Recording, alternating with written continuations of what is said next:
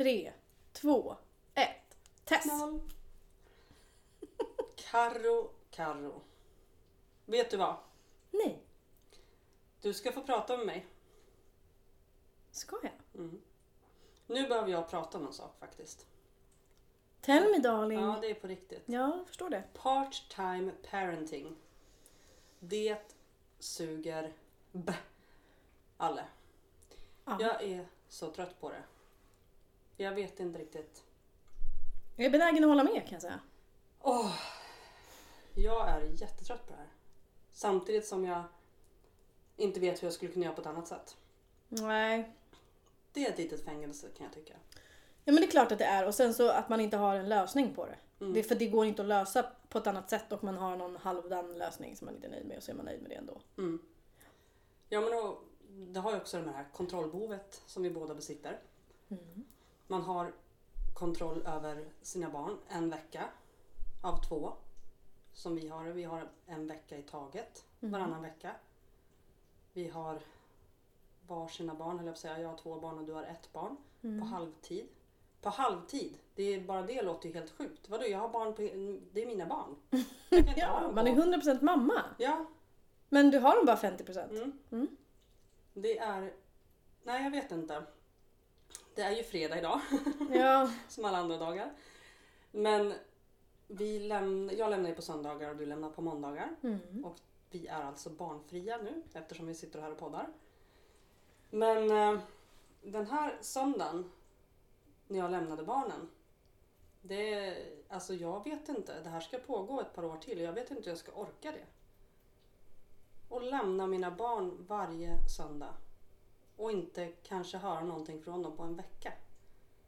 Det är, usch, det gör ont. Det är en sån jäkla bottenlös sorg. Och det är ingenting annat än en sorg. Och det här har ingenting med den, den personen man lämnar sina barn till att göra. Det här Nej. är bara det faktum att du lämnar dina barn. Mm. Och att de känner att jag lämnar dem. Det är ju, jag tror varje, varje gång jag lämnar så får jag säga jag lämnar inte er. Även om det känns så för mig med så kan jag ju inte uttrycka det så. Jag lämnar inte er. Jag finns ju här. Men jag är en bit bort. Men det är svårt för en då 6 och 7-åring att, att koppla hur jag menar liksom. Och vissa söndagar är ju såklart lättare än andra. Men den, som den här söndagen då, ett barn springer efter mig och gråter och sliter i mig och vägrar att släppa mig och den andra barnet står kvar inne hos pappan och man vet liksom inte vart man ska ta vägen. Det är, ska slita henne ur famnen på mig och lämna över till den andra föräldern och hon springer efter igen. Springer ut i strumporna i korridorerna i, i farstun och bara alltså det är så fruktansvärt. Och så bara lämna mig inte. Och, bara, nej, den... ehm, Och... eh, Nej, det, det är jobbigt. Jättejobbigt.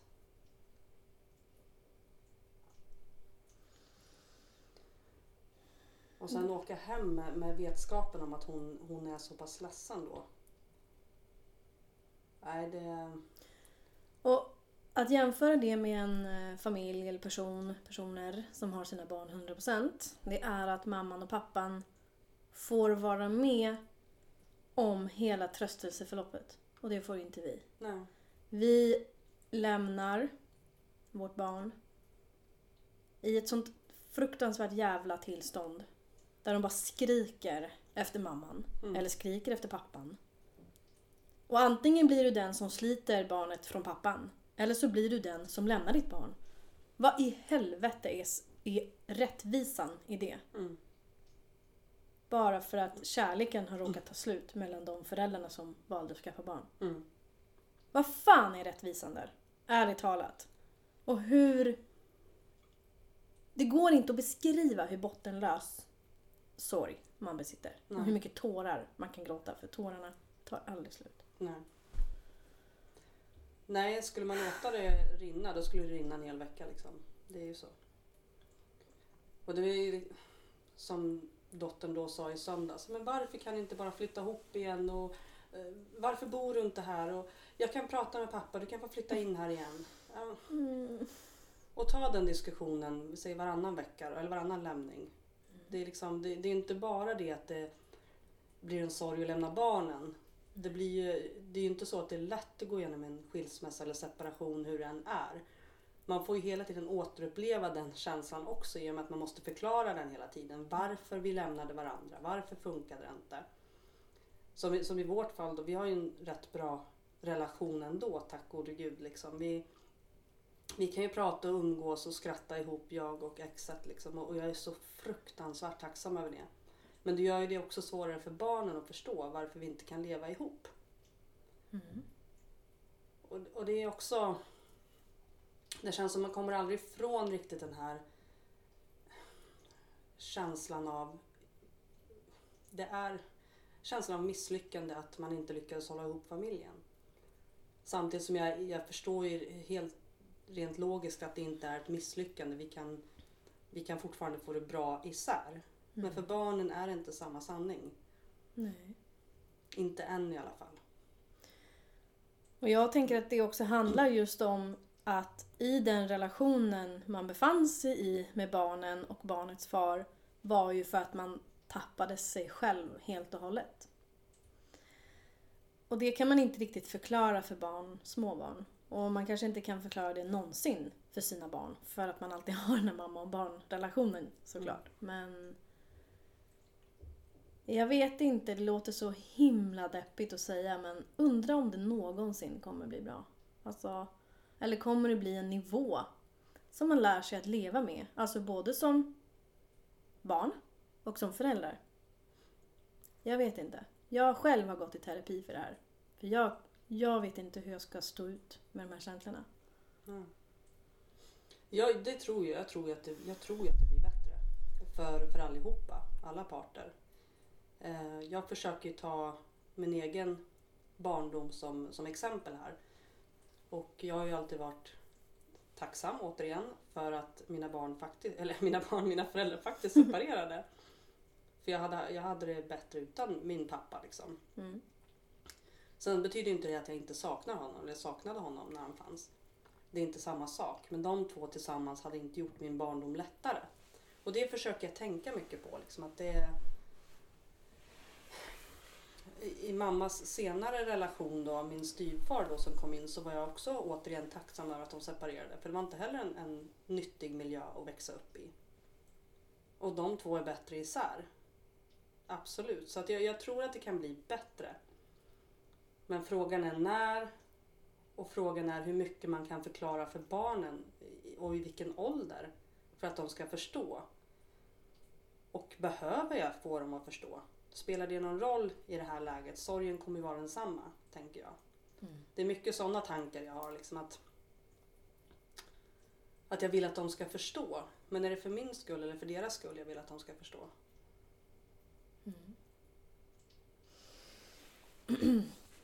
Sen har vi också ett samvete, vet jag. Vi båda i alla fall. Eh, och eh, då också som heltids... Hur ska jag säga? Eh, eh, ehm, barn som lever heltid med sina föräldrar kan man bråka villkorslöst med egentligen. Man kan bråka för att man får hela händelseförloppet, man kan säga åt på skarpen, man kan... Alltså på riktigt, man kan tappa det. Och bara wow, bli helt jättearg för att man sen i efterhand kan säga förlåt. Problemet är att en sån här situation kan uppstå. För att när man har separerat, eller man, jag, när jag separerade, så, som du var inne på så kommer det upp väldigt mycket känslor. Och när ett barn då ifrågasätter, eller frågar, eller säger, eller någonting, så väcker det extremt mycket känslor. Man står framför sitt, sin ex-partner. Och så har man sagt någonstans det här med stoltheten att jag ska inte visa mig ledsen idag, jag ska minsann inte göra det här och jag ska minsann inte göra det här. Och då på med riddarutrustningen och in i kriget! Mm. Och så har man ett barn eller två som bara Mamma, mamma, hit och dit och bla bla bla. Så huvudet håller på att sprängas samtidigt som du själv går med den här bottenlösa sorgen. För du vet att det är en vecka kvar tills jag ser mitt barn. Och så händer någonting. Du vet, du har ingen marginal överhuvudtaget kvar. Och så händer någonting och så börjar ni bråka. Och då är du utanför dörren och så ska du lämna ditt barn. Mm. Nej men alltså, hallå. Och så ska man då låtsas om som att det är en vanlig vardag. Ja. Och så bara, hej då gumman! Eh, vi ses om en vecka. Sköt om dig! Det är Så ingen bara, fara. Det är ingen fara. Mm. Så här, det enda som man... Då är det inget fel att visa att man är ledsen. Så att eh, vissa av mina lämningar har ju alltså tagit timmar. Vi har provat fem minuter. Vi har provat timmar. Vi har provat att fika. Vi har provat att... Jag vet inte vad. Det finns ingenting som vi inte har testat. Och tänk då också på att vi båda har gått över våra egna känslor och våra egna stoltheter. Vi har alltså gjort allt för vårt barn. Eh, och då visade det sig att när vi gav för mycket, då trodde ju vår dotter att, att vi skulle flytta ihop igen. Hon Mm. såg inte vad problemet var. Oh my god. Och då var det så här. Nej, okej, då blev det fel. Hmm. Och sen hände någonting så började vi tjafsa. Ja, det är inte heller kul. Hon ska inte behöva se att vi tjafsar och bråkar och sådär. Tills jag släppte det, att jo, det ska hon. För att jag, hon ska även se när jag bråkar med dig eller när jag bråkar med min partner. Livet är inte dans på rosor, så bara in it. Hon är åtta, så att fine. Sen så kan det ju finnas dimensioner i bråk också såklart. Men oavsett, en heltidsförälder får vara med om hela förloppet. Ja. Vi blir avbrutna mitt i. Och oavsett vad som har hänt i det här, och det är så svårt att prata återigen med någon som inte känner igen det jag säger. Och den här sorgen och frågan om man har en dålig dag, om man har en ditten, om man har datten. Vissa måndagar har jag så jäkla svårt att jobba. Mm. Och jag vet inte vad det är med mig. Det är som att en buss har kört över mig. Jag kan inte gråta, jag kan inte skratta. Jag, jag är helt jävla tom. Ja. Ja men det är just det, man slutar ju inte vara mamma den veckan man inte har barnen heller. Liksom, så att den delen av en är ju, lever ju fortfarande till 100% vare sig du har barnen där eller inte. Mm. Så tankarna går ju till barnen hur man än gör. Ja. Känslan är ju hos barnen. Mm. Och det var ju som i veckan när yngsta dottern var med om en liten olycka på förskolan. Och jag får reda på det via en, ett MMS, en bild. Och jag ringer upp och jag känner att jag står på jobbet. Och jag kan inte vara där för mitt barn. Jag är inte där, jag står på jobbet och jag jobbar ju senare då när jag inte har barnen för att ta igen tid jag förlorar annars. Liksom. Och eh, jag vet inte, jag går in i någon roll där och bara fortsätter jobba liksom fast jag bara vill sätta mig och gråta liksom för att det var, ja, det var ingen trevlig olycka hon har varit med om. Eh, Men jag ringer upp då pappan och vi bestämmer oss för att jag ska komma och hämta henne och åka upp till eh, barnakuten. Och det, är- man kommer dit, eh, det, jag har två barn. Eh, Jag måste fokusera på det barn som har gjort sig illa och kolla hur det är med henne. Bestämma vem som ska åka upp till barnakuten och eh, då blir det bråk där. Hon kunde inte välja vem av oss som skulle få följa med för den andra skulle bli ledsen om hon valde den andra. Och det var väl kanske det var väl kanske ett fel vi gjorde. Vi bad, en, bad henne välja vem som skulle följa med. Tänkte att hon kunde få välja det. Men hon fick ju panik och tyckte att ingen skulle följa med eller båda. Så det slutade med att vi valde, vi vuxna då. Och då vart den stora tjejen då ledsen för att jag inte var kvar med henne. För att jag följde med upp till barnakuten. Eh, åker upp till barnakuten, sätter oss där, vi går igenom allting, det ser bra ut och åker hem. Och i det här då så ska jag lämna henne igen. För andra gången den här veckan. När jag vet hur dåligt hon mår och hur, hur jobbigt hon har haft det på dagen. Så ska jag åka därifrån och bara säga godnatt. Jag har inte sovit ordentligt sedan dess. Alltså det, det går inte. Jag tänker på henne konstant. Mm.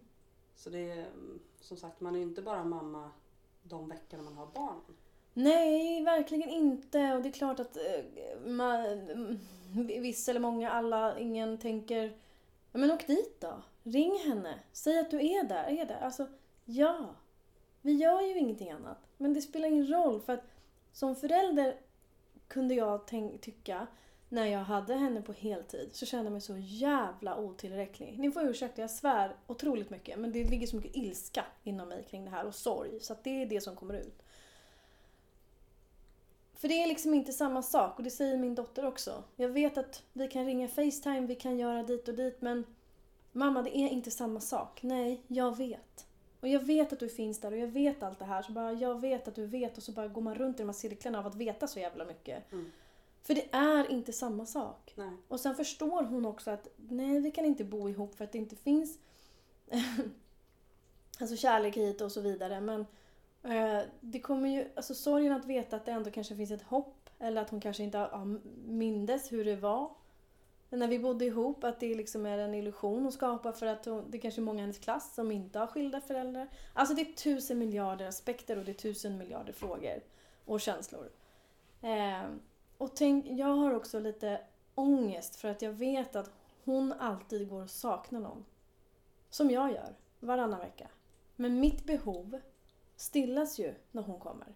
Men hennes behov gör inte det. Nej. Så hon saknar alltid någon till 100%. Jag saknar alltid någon varannan vecka. Mm. Och jag tycker att det är så starkt av henne. Ja, vad ska hon, hon är ju barn, vad ska hon annars göra och sådär. Men hon... Ibland vill hon prata om det och så vidare. Och det, det är fruktansvärt att inte kunna vara tillräcklig för sitt barn. Ja. Fast... Och så tänker man att, ja gud jag kan inte tänka så, jag måste vara... Nej men det är klart att jag är tillräcklig och så vidare. Fast nej. Det är klart att man ska se positiva saker i varje situation och allt sånt här. Men ibland är det fan i mig nattsvart. Ja. Och, Nej, men och sen är det väl så också. Jag tänker, ja det är klart, nu har jag som sagt en hyfsat god relation till, till pappan. Mm. Men det finns ju relationer där man inte har det och inte kan åka över. Det, det kanske inte ens får information om att det har hänt någonting. Nej. Och inte kan åka över. Och, och ta hand om eller hjälpa till eller vad det nu må vara. Mm. Så det, det finns ju den biten också. Och eh, som, som sagt, jag menar åka dit också när jag inte har barnvecka och lämna igen. Det är inte heller en, en optimal lösning för det blir en, en ytterligare en, en breakup liksom mitt i Mm. veckan. En separation till. Mm. Så att det är, eh, jag, jag hade ingen aning om hur svårt det skulle vara kan jag säga. Att separera med barn. Det var, jag hade aldrig kunnat föreställa mig det. Hur jäkla jobbigt det är. Nej. Och sen så, det är klart att det finns positiva saker med det här också men just nu, den här perioden är, har det varit fruktansvärt tungt och mycket tankar om det här. Givetvis, och som du säger så finns det säkert positiva saker och det är väl inte... Det är inte riktigt det det handlar om. Alltså, man får inte glömma heller att som skild förälder så har jag blivit en bättre mamma. Så tillvida att jag menar att jag är mer utvilad när jag får henne. Jag är en gladare person. Jag är inte någon utsliten, gråhårig, trasig människa som bara tjatar och gnäller och skäller och så här. Nu säger inte jag att alla heltidsföräldrar är så, verkligen inte. Ja. Verkligen inte. Eller ser ni det? Nej jag skojar. Men det finns ett otroligt mycket fördelar. Jag har ett vuxenliv. Jag kan hitta på massor av saker med min partner. Jag kan hänga med dig. Alltså det, det finns otroligt mycket guldkorn i det här. Mm, eh, hade jag vetat att det var så här. Ja, jag hade fortfarande skilt mig. Men det gör mig också starkare kring att välja min partner till mina barn. Om jag får fler, kan jag säga. För Mm. att det här... Det här önskar jag ingen. Nej. Det gör jag inte. Och då låter jag ta- otacksam och då får jag göra det. Men, men jag älskar mitt liv. Det gör jag ju. Ehm, jag har aldrig fått så mycket egen tid och egen reflektion och jag kan växa som person. Alltså det Inget snack om saken och det hade jag säkert gjort som 100% i förälder också. Eller vad jag ska säga, 100% i...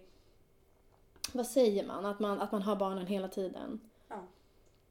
Ehm, Heltidsförälder. Ja, men det är så jäkla... Som jag brukar säga, onaturligt. Det är inte naturligt för en mamma eller en pappa att skiljas från sitt barn. Det är det Mm. mest onaturliga som finns. Nej men och det är väl det, man har ett liv utöver det här också som, som funkar ja, jättebra för min del. Men det är den här konstanta sorgen som ligger i bakgrunden. Den är alltid där. Mm. De veckorna man inte har barnen. Men som du säger också, jag har, jag är också en bättre mamma sen separationen. För jag mådde ju inte bra i relationen. Det är ju, det är för det första var det ju det. Jag mår inte bra i relationen. Jag var inte den jag ville vara. Jag var inte den jag är. Och kunde inte bli heller i den relationen. Så att eh, det var oundvikligt och det var det här jag ville och det är här, fortfarande det här jag vill. Därför är det så jäkla irriterande att man inte kan, det viktigaste av allt, vara mamma. Jag kan, jag kan inte välja det tillsammans med, med att välja mig själv. Nej. Det väljer jag mig själv, då blir det så här. Annars får jag se bort mig själv, ta bort mig själv ur ekvationen helt liksom. Mm. Så jag, och jag håller fullständigt med dig. Hade jag, hade jag vetat tidigare hur jobbigt det här var. Det, det är mitt tips och råd till alla. Välj noggrant vem du ska skaffa barn med. För det här är inte, inte kul. Nej, och det är ingenting som går, det är inte ett sår som går att läka heller. Därför att det blir ju ett sår. Och sen så kan ju kärleken helt plötsligt också verkligen ta slut. Men om man kliver in i en relation, då tycker jag att någonstans ska man också överväga Okej, okay, hur blir den här människan om vi skulle separera? Hur blir den här människan som mitt ex? Det är faktiskt inte helt orimligt. Nej. För att det kan förstöra så otroligt mycket. Och det behöver man ju inte analysera första halvåret eller året kanske. Men om man funderar på att ta ett större steg i livet. Skaffa barn, gifta sig, inte vet jag. Folk förändras. Du själv förändras. Oavsett hur ung eller gammal du är. Så tänk faktiskt också hur den här personen skulle kunna vara som ditt ex. Mm. Um, jag tänker också på att uh, kanske låter det som att man också någonstans är jäkligt otacksam.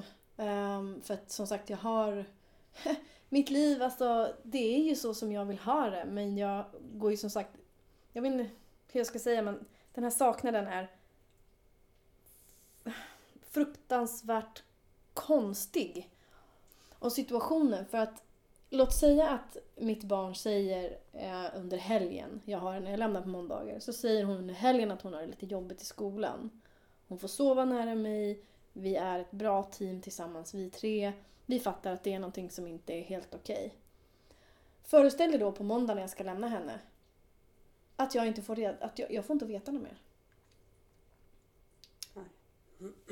Jag får alltså, okej. Okay. Får och får. Jag kan ju ringa min expartner. Jag kan ringa mitt barn. Men det jag försöker säga det är att det blir ett tomrum här som jag försöker måla upp som en bild med mina händer som ni inte ser. Men jag hoppas att det någonstans makes sense det jag säger. Att det blir så avsnoppat. Och därför, det var någon som sa att man är förälder till 100%. Men du är ju inte det. Du får ju bara 50%. Du är 100% mm. i förälder. Man ska plåstra om och man ska åka hit och dit man ska göra allt det här. Men emotionella. Mm. Alltså tomrummet sen. Mm. Och sen om en vecka har gått, ska jag då ställa frågan till mitt barn? Du, det där för en vecka sedan, um, är det fortfarande aktuellt? Alltså det, det, blir som en jävla uppföljning av ett möte. Mm. Och det tar sån tid att lära känna varandra. Igen, liksom. Nej, jag frågar inte henne för det blir som en jävla avstämning. Mm. Men men det är för att man inte är delaktig. Man är inte delaktig. Alltså, som det där, en, en kamp som de går igenom och som man bara ska skiljas ifrån. Man har kanske kommit på en strategi som man ska utföra tillsammans eller stötta henne i under tiden hon går till skolan om det är skolan som har varit ett problem. Och sen helt plötsligt ska du lita på att hon gör det själv eller ja. med stöd av den andra föräldern. Ja. Och jag kan ju inte påverka hur barnen talar med den andra föräldern. Nej. De kanske inte har samma kommunikation mellan varandra. Det kanske inte finns det stödet som, som jag tror att hon behöver. Mm. Och det kontrollbehovet behöver jag släppa helt plötsligt och bara låta henne flyga fritt och hoppas att det går bra. Ja. Så nästa vecka man ses så bara, hur gick det? Ja men det där är glömt. Jaha men gud vad skönt. Jag har suttit och mm. tänkt på det här en vecka. Mm. Varit orolig, funderat på om jag ska ringa eller ska jag ringa skolan eller kolla med förskolan hur det har gått eller ska jag prata med pappan. Eller, och sen när man träffas nästa gång så bara nej men det där var ingenting. Det är också en grej. Då har man nog gått och liksom ja. funderat och tänkt i en vecka. Sen bara ja det var ingenting. Nej fast nu har det här hänt. Och så börjar man om på en ny punkt. Ja. Man bara okej okay. och så fortsätter det liksom. Ja och lära sig också som jag sa, lära känna, känna en ny situation. För att det blir ju vad är, när ropar de varg och när gör de det inte? Mm. Och, och som du säger, alltså, jag tycker också att det är så svårt för att nej, de behöver sin mamma. Och de behöver sin pappa. Mm. Vissa saker är meant to be med mamma och vissa saker är meant to be med pappa. Och då kommer det alltid vara så att ena veckan är de hos mamma, då kanske de behöver pappa till någonting. Ja. Och det är så jävla konstigt att sätta ord på känslorna som uppstår här. Ja. Eh, jag vet inte ens om det finns ord på, på de känslorna ärligt talat. Eh, och sen också att den här konstanta oron man har för sina barn och så vidare. Och låt säga också när man precis har separerat, i alla fall jag, då, då var jag så jäkla arg och var så ledsen och så vidare. Och stänga allting inom dig för att du absolut inte får säga någonting ont om din ex-partner. Nej. Det går inte.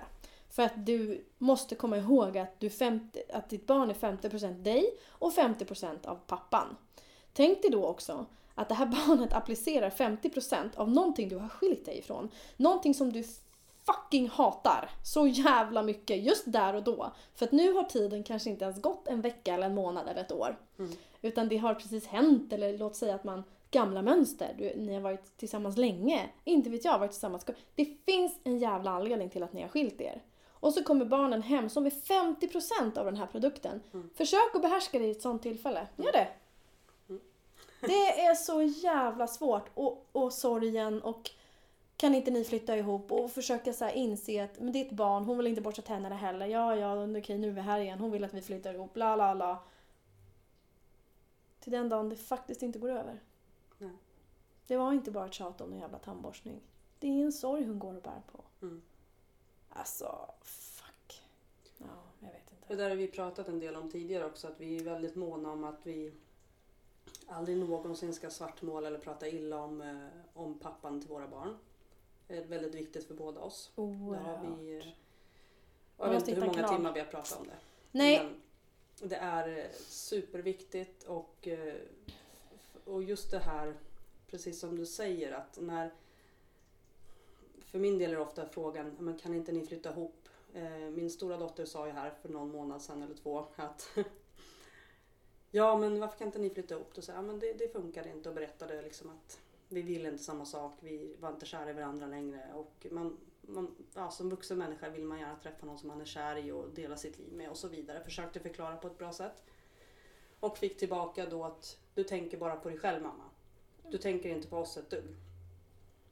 Och i den situationen och med det, det uppbrottet som vi hade och anledningen till det och ta emot det, den attacken på något sätt och bara och inte hamna i affekt. För beroende på vad man har separerat för och vad man har upplevt i relationen så har man ju olika starka känslor. och en del av mig vill ju bara skrika ut men vet du vad som har hänt? Fattar du vad som har hänt? Förstår du varför jag har lämnat honom? Liksom att det, det bor en otrolig alltså, ilska och en, ja, en besvikelse. besvikelse, en sorg, en någonting som jag har fått kämpa mig igenom. Det tog alltså i stort sett fem år för mig att komma ur relationen när jag väl hade bestämt mig.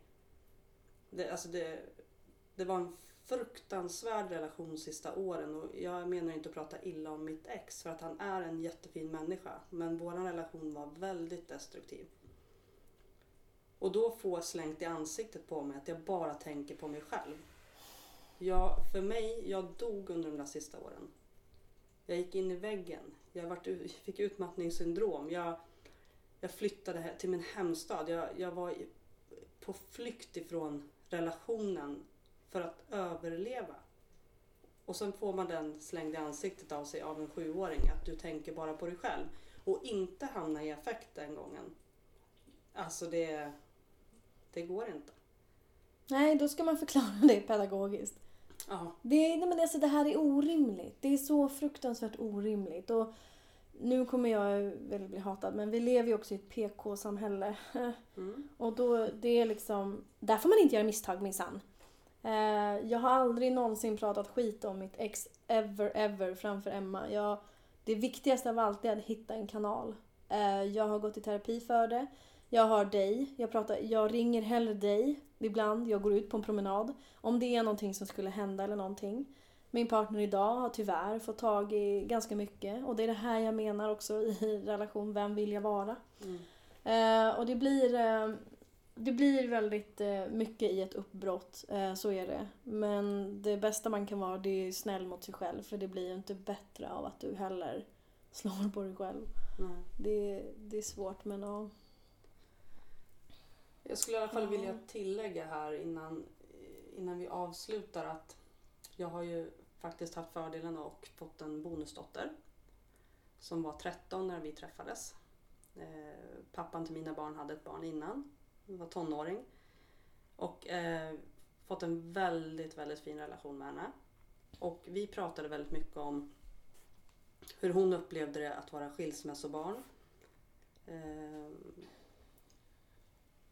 våra, våra barns pappa då hade ju alltså en dotter med en annan kvinna och de separerade när hon var väldigt liten. Och mm, hennes mamma då träffade en ny kille som de har varit, hon har varit tillsammans med honom sedan dess. Och jag berättade då för min bonusdotter att jag själv var ett skilsmässobarn och att jag var väldigt tacksam för det.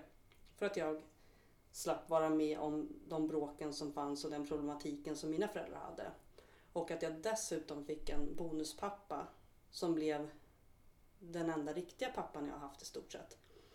Och min bonusdotter och jag kom då överens om att istället för två föräldrar som de många barn har då, som de som inte skiljer sig, så hade hon faktiskt fyra vuxna som brydde sig om henne. Och det är väldigt positivt. Min styvfar har ju betytt otroligt mycket för mig. Jag är så tacksam över att mamma träffade honom. Eh, och att då ha fyra vuxna människor runt omkring sig istället för två kan ju faktiskt vara en enorm fördel. Oh ja, det är en oerhörd fördel. Tycker jag. Så att det, och det är ju där, där jag hoppas någonstans att mina barn också ska hamna och förstå.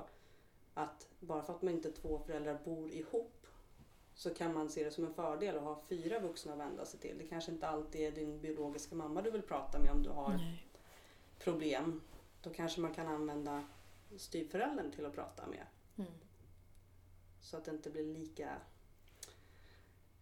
Ja, det kanske är Ja, sådana saker man inte kan ta upp med sin mamma eller inte vill. Nej, inte vill. pappa. Ja, det är precis. Så att det finns ju jättemånga fördelar med det och, och det är en ynnest att ha fyra vuxna människor. Tre eller fyra eller två som Ja. bryr sig. Mm. Det kan aldrig vara fel. Nej, verkligen inte. Så, så tänker jag. Och det blir ju också kanske lättare i, i längden också med, med de praktiska sakerna. Då. Mm. Om man då är part-time parent men man har en, eh, en relation med någon som faktiskt bryr sig väldigt mycket om barnen så blir ju det en väldig fördel i, i de praktiska sakerna. Jag har ju den turen att ha en sån partner till eh, mig eh, och bonuspappa till Emma.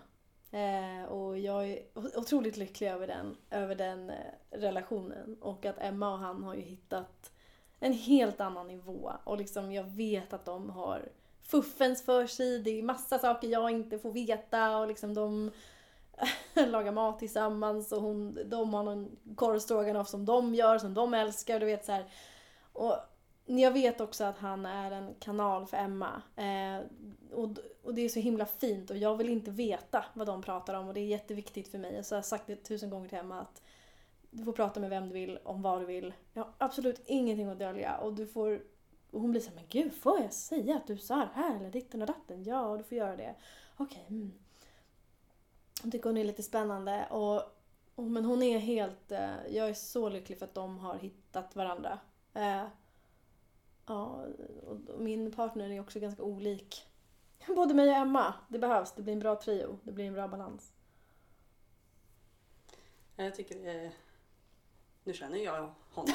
Så, men det är en innest, det är en innest för barnen. Ja men det är Mm. faktiskt det. Och jag, någonstans i det, i det stora hela så jag satt här och bara tänkte på bonusföräldrar. Alltså vilka människor. Ja, det är verkligen Alltså, bonus. Ja men alltså vilka människor. Och ta det ansvaret och, och göra det valet och gå in i någon annan människas liv. Mm. Med den uppoffringen som det faktiskt innebär när man har barn. Jag säger uppoffring för man vet inte i början hur mycket, Hur mycket det, är. hur mycket det är. Men alltså vilka människor. Jag skulle vilja hylla bonusföräldrar känner jag Mm. just nu. Ja. Att ta sig an någon annans barn. Ja. Och inte vara svartsjuk eller avundsjuk på an- annat tjafs. Och acceptera den partnern du faktiskt har som har ett ex. Alltså vad då? Det är inte lätt. Nej. Och sen ha ett barn som är... Det är jättesnurrigt och det är jättekul. Ja. Så tack som du sa. Vad sa Ja. du? Tack till alla bonusföräldrar där ute som, som gör så mycket för våra barn. Ja, Och trots den här bottenlösa sorgen här nu så är vi ju lite gladare nu när vi har pratat om det tror jag. Kommer inte kännas likadant om en vecka. livet som det fucking är. Livet som det fucking är. Tack till bonusföräldrar och eh, jag älskar er Vilda och Tigra och Jämpa. Och jag älskar dig Emma. Och Vilda och Tigra. Ja, ja, detsamma. Vi är en enda stor familj. Ja! Vi ska sjunga Kumbaya och tända lägereld nu. Ja. Så vi kan tror inte prata längre. Ja, my lord, kumbaya. Oh, Okej, nu slutar vi. Annars kommer vi inte ha... Ja, ja, ja! Shh, tyst. Är det så? Nej. Fel tonart. Okej. Ja, fel, helt fel tonart. Ha en fin kväll. Men Sluta säga sådär. Tack och hej. Det är fredag. Nej. Nej, jo, är det? Är det lördag? Det är fredag. Just det. Ha det bra. Hejdå. Nej.